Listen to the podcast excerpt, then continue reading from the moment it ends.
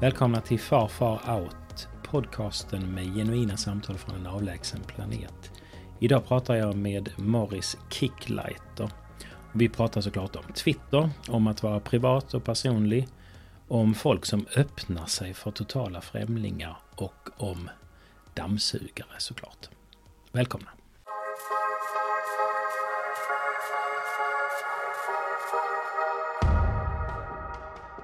Vi känner bara varandra, och det är inte bara, men vi känner varandra genom Twitter och eh, har, har bara diskuterat där i ord, mm. det skrivna ordet. Um, så, så jag är ju jätteintresserad av vem du är. Och det första du sa när jag ringde upp dig var att du vill inte gå ut med ditt riktiga namn, utan du är Morris eh, Kicklighter. Var, varför halvanonym? För du har ju bilder på dig, så det är liksom... Ja, precis. Det där är jätteintressant. Jag har blivit mindre och mindre anonyma namn och bilder ju längre jag har varit på Twitter. Mm. Um, jag brukade aldrig dela någonting från, från mitt jobb.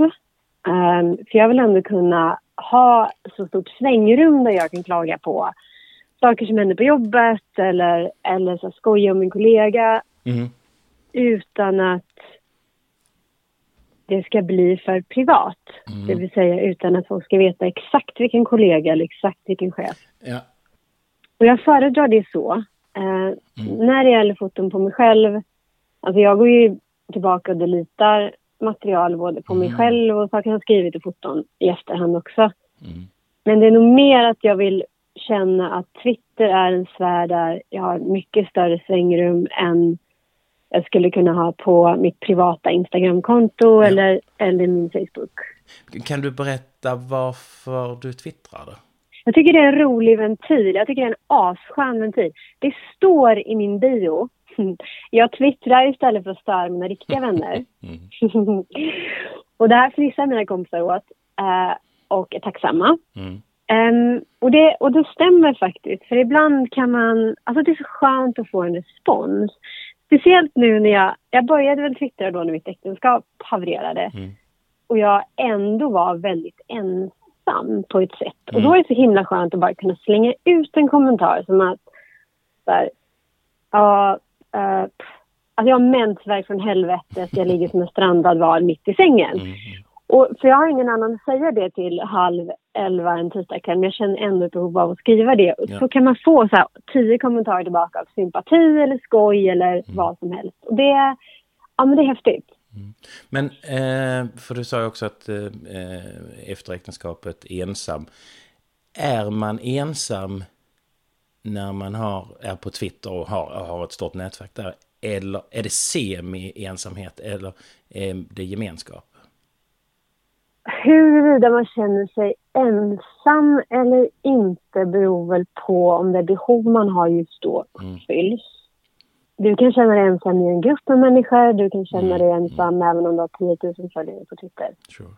Jag tror det som kan lindra en ensamhet eller en känsla av utanförskap är ju att man får, man får en respons. Mm. Och ibland är den där responsen viktigare än vilken slags respons man får. Mm. Det är väl så man får tänka på det. Ibland kan det vara skönt att bara gå ut till ICA och prata med någon i kassan liksom, och så är det skönt att få bekräftelse på att man faktiskt finns. Mm. Um, och för andra så går man, loggar man in på Twitter, skriver en kommentar eller interagerar med andra och så uppfyller mm. det samma behov. Ehm, jag kommer att tänka på, jag vet ju inte riktigt hur gammal du är, men eh, när jag var barn? Jag är 35, jag är 35 några månader. ja, då är detta, detta kan vara helt nytt för dig då. När jag var barn, eh, eller ung, så ringde vi in till Heta linjen. Mm. Och det var en telefongrej där, eh, som en gruppsamtal. Ja, precis. Och då ringde man in och så kunde vem som helst prata. Ehm, det blev väldigt bökigt för det kunde vara många på den där linjen. Men det var lite den här känslan av att någon svarade mig, jag finns. Det är lite det du säger med att man går till eh, ICA och där är någon som säger hej. Ja, ehm, Twitter tänker jag så här att det finns, de jag pratar med som jag inte känner. Och sen så finns det vänner som jag kanske också har träffat i verkligheten. Och det är två helt mm. olika saker. Jag vet, fast vet du vad, jag, håller, jag, håller, jag förstår vad du menar, jag håller med till viss del. Jag kan tycka så här att det finns, eh, det, de, det finns människor som du, som du träffar i verkligheten så att säga, mm. IRL, som är dina vänner som du kanske träffat utanför Twitter. Sen finns det människor på Twitter som du faktiskt börjar träffa och, och kanske liksom har dialoger med på andra plattformar mm. eller via telefon och så vidare. Yes. Sen tycker jag ändå att precis som när vi var mindre och hade brevvänner mm. så tycker jag att Twitter kan väl också eh, hjälpa till att skapa relationer fast att du aldrig träffas. Mm. Eh, för att det krävs ändå väldigt mycket att kunna tolka in en ton och ett sätt i någons text där någon skriver. Dels när det bara är 280 tecken. Mm. Så det finns ju sådana som lyckas väldigt bra på Twitter för de, de lär sig väldigt snabbt och de kan se och de förstår hur man interagerar. Sen finns det de som är absolut katastrofala och det är mm. inte för att de är katastrofala i verkligheten men de kanske har svårt att ta till sig den, den textuella interaktionen. Mm. Och hur man uppför sig. Kan inte läsa koderna på Twitter, men de kanske kan läsa de sociala koderna, eller så kan de inte. Mm. Eh, så jag tycker faktiskt inte att man ska förringa den, de relationer som skapas online, men man kan ju veta att de försvinner ju, de försvinner ju snabbt. Mm. Eh, det krävs bara att du loggar ut, så är de inte där längre. Några av dem som jag har eh, intervjuat här i podden, eller pratat med i podden, så är det ju verkligen i en och andra änden Anders som aldrig är på sociala medier och, och, är, och är rädd för den här utvecklingen. Eh, mm. Och sen Krakel som ju är eh, vår allas stora användare mm. som hade ju flera hundratusentals poster. Eh, var finns du på den skalan? Jag tror man uppfattar mig att jag är väldigt mycket på sociala medier. Mm. Men jag tror att alltså, jag är sjukt mycket offline. Jag gör väldigt mycket offline och när jag gör saker offline så gör jag det mm. till hundra procent. Och hoppar in ibland och slänger in en kommentar. Mm. Um, jag ser det väl mer som... Ibland, alltså, mycket på mitt jobb sitter jag med hörlurarna på för att jag skriver. Mm. Sen ibland hör jag, hör jag liksom del av en konversation. Så tar jag ut ena hörluren och så hänger jag med i ett samtal en stund. Mm och sen sätter i högtalarna eller hörlurarna mm. igen och fortsätter skriva. Mm. Och jag tänker det är likadant så när jag ibland öppnar mina sociala mediekanaler och kikar in. Ibland mm. så hakar jag på en konversation och sen går jag ut. Um, och ibland så fastnar man lite längre i en konversation. Mm. Just nu så är jag faktiskt väldigt trött. Alltså just nu är jag skittrött på Instagram. Mm. Jag scrollar igenom Facebook bara för att det är en, ändå liksom en, en plattform där jag har andra liksom, åtaganden. Mm. Um, och jag är, och jag är lite... Alltså jag är lite trött på Twitter just idag. Du och jag har jättetydligt ett stort intresse för den här frågan omkring eh, sociala medier. Och ja. är väldigt tydligt att du som jag har funderat mycket på det. Jag är jätteintresserad av det. Jag, jag, mm. jag jobbar ju med det här. Jag jobbar ju med kommunikation. Jag har jobbat mycket med digital, liksom, mm. den digitala marknadsföringsbranschen. Mm. Eh, så absolut, det här är jätteintressant för mig. Men yeah. det är... Eh, man måste diskutera sociala medier som del av en sam ett samhälle mm. och en, ett sätt att kommunicera istället för att säga sätt ett att kommunicera. Mm. Det är ett sätt, men mm. inte the. It's not the way to mm. communicate. It's a way to communicate. Mm. Och de, de grupper som samlas på olika sociala plattformar och de saker som händer Alltså, är de en spegling av samhället eller är det en, en särskild grej man har på sociala medier? Jag menar bara ta så här liksom boomer-troll. Liksom. Du ser ju inte att Greta här, 67 står knuffar på någon inne på ICA liksom. Men hon kanske står och knuffar på någon inne på Facebook. Alla fenomen på sociala medier behöver inte vara ett live-fenomen? Absolut inte. Nej, men jag tror inte det. Eller så... Alltså så här, vi, vi kan ju skapa så här att alla har liksom gillat och, och det har varit en, en, en eh, Alltså det har varit en kampanj och alla gillar något och det har varit en jättepositiv grej på alla sociala mm. medier men ingen, ingen jävel gick ut och ställde sig liksom i den här demonstrationen. Då spelar det ju faktiskt inte jättestor roll kanske. Eller hur? Alltså mm. om det händer någon positiv sak på sociala medier, hur ska vi kunna, hur ska vi kunna förändra det till någonting som faktiskt händer i den riktiga köttvärlden? Du, du eh, skrev för några veckor sedan i december så här. Det enda mitt ex verkligen ville ha i bodelningen var en dyr dammsugare han nyss köpt. Han var så underligt fäst vid den. Jag tänker ibland på vilken otrolig kass förhandlare han är när jag dammsuger med den här dammsugaren. Ja, den där är ju ett extremt bra exempel på när man går från det personliga till det privata och mm. hur en typ läses in. Mm. Eh, det var faktiskt exakt så där som det gick till. Mm. Eh, och jag hade precis dammsugit med den där dammsugaren mm. när jag, jag tänkte jag slänger iväg den här typen så fnissade jag lite. Mm. Det intressanta med den texten är att de som först interagerar med den är mina vanliga följare som har lite inblick i mm min historia så känner Morris Kicklighter lite grann. Mm. Eh, fnissar, skrattar, likar, delar.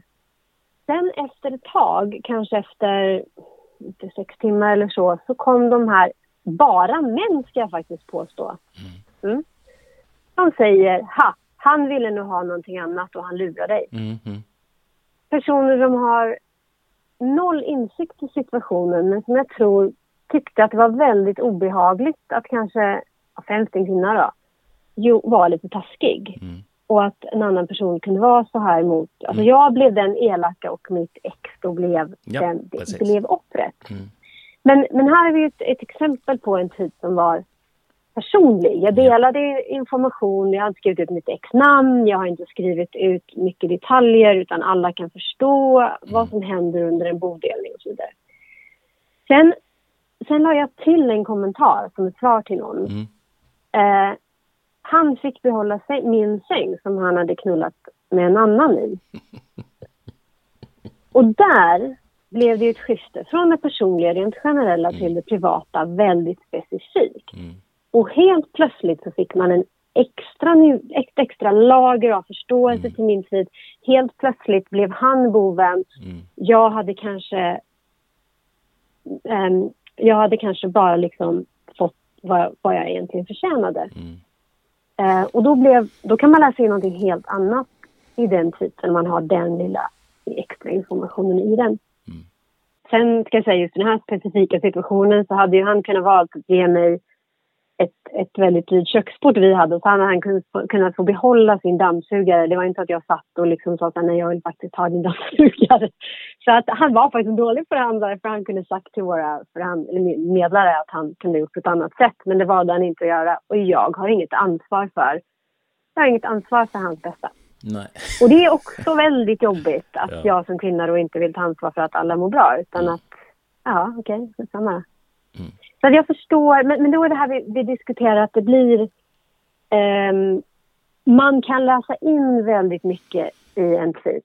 Alltså, jag, jag vet att det fanns lager i den tweeten. Jag visste att den skulle få en, en väldig bredd av reaktioner. Mm. Um, och det, det är också intressant att man kan skriva någonting för att trigga vissa reaktioner, du kan skriva mm. någonting för att få igång en diskussion. Och en del människor är medvetna om det här, en del människor är inte. Och det är hur vi är beredda att hantera reaktionerna ja. och hur vi kan hantera reaktionerna som, som jag tror hjälper oss att existera på mm. sociala medier. Mm. Och varför en del tycker det är skitjobbigt och varför en del tycker att det är jättekul. Mm. Så eftermälet till det här, eh, det här inlägget eller tweeten, mm. var den kul eller jobbig eller både och? det är ju så här, jag, jag bryr mig inte så jättemycket om vad folk tycker om det jag skriver. Så jag existerar inte för någon annans skull. Jag finns där för min skull. Mm. Jag skriver det jag har lust med. Ja. Tycker man inte om det jag skriver så rycker jag väl bara på axlarna. Just för det vi har pratat om. Det finns, alltså du läser ju in så många olika skiftningar och det är inte mitt ansvar att gå in och förklara eller rätta till eller ta ansvar för det du som en främmande människa läser in i en annan främmande människas 280 tecken. Mm.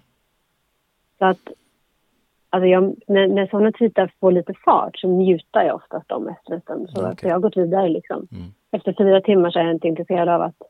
Ja. Och jag ville bara ut någonting, det var bara en tanke. Och en del mm. tankar gillas och flyger och en del tankar är det ingen som bryr sig om. eh, kan det också ha koppling till det att du är semi-anonym? Alltså, du är, du är en Twitter-person. Mm. Eh, och den Twitter-personen finns där för, för att få ut tankar och eh, ha lite kul. Hade det varit i verkligheten hade du kanske brytt dig mer om vad som sades i, till det här? Nej, faktiskt inte. Därför att jag var med om en, en situation i min ungdom i London där det blev en situation där någonting missuppfattades som hade hänt. Mm. Och det gick...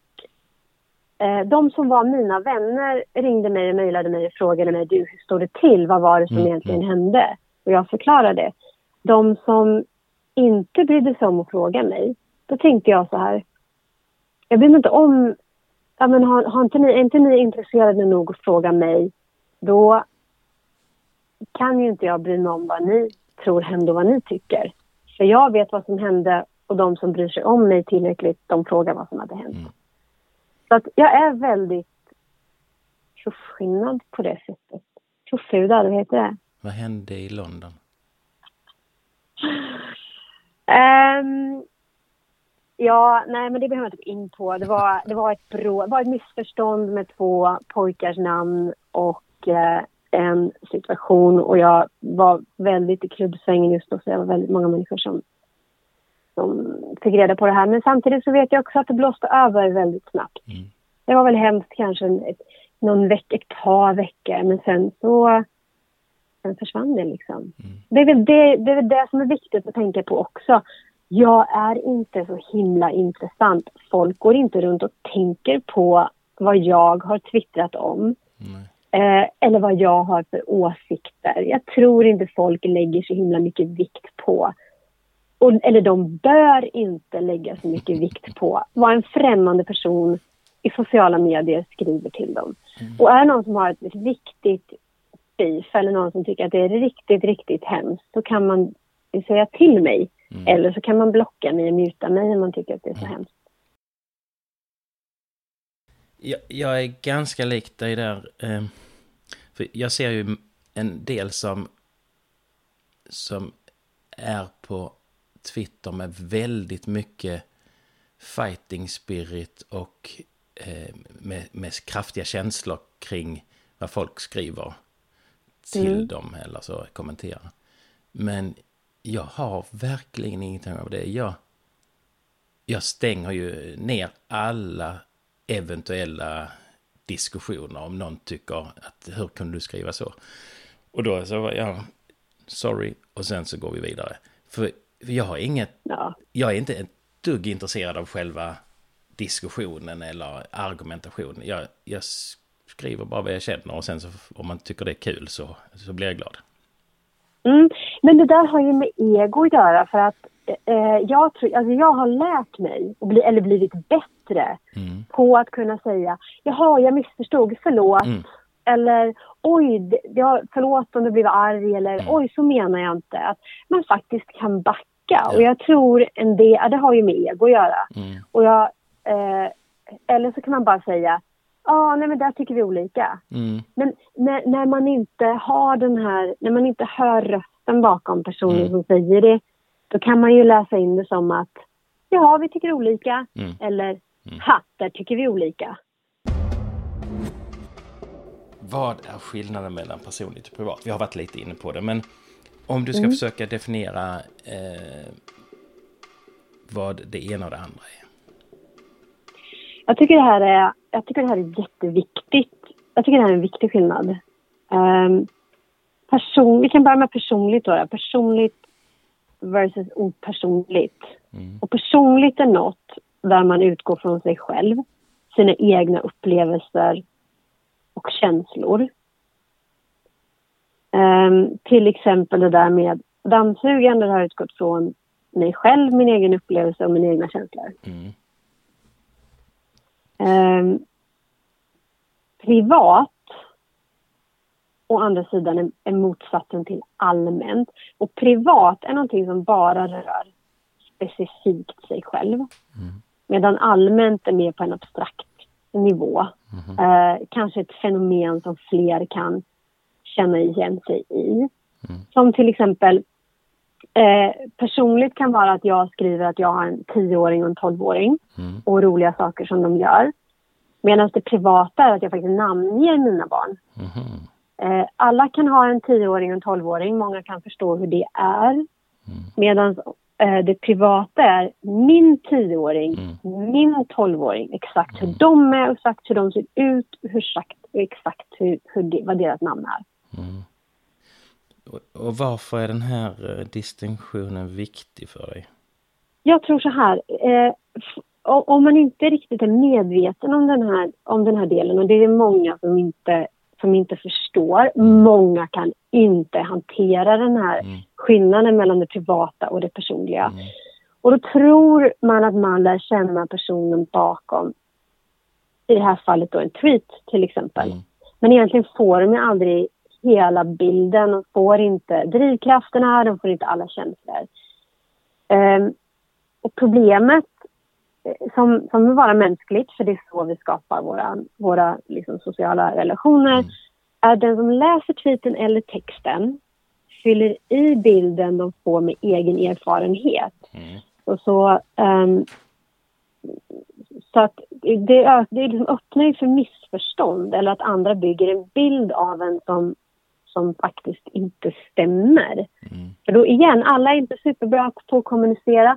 Andra kanske väljer att faktiskt skapa en speciell bild av sig själv för den kanalen som kanske inte alltid stämmer överens med hur man är IRL. Jag, när jag ibland skriver om min skilsmässa, får många DMs om relationsfrågor. Och det har jag tyckt varit intressant och ibland kan jag twittra för jag vet att jag får en sån respons för att det kan väcka mycket tankar. Vad är det som gör att de här människorna öppnar sig för en främmande person på nätet?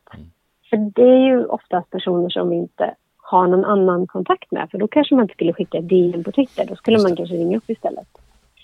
Då tror jag att det är problem att det skapar den här falska känslan av intimitet. Att de tror att de känner oss. De tänker så här, det är en person som jag vill lägga över hela det här, he- dela min problematik eller min fråga med.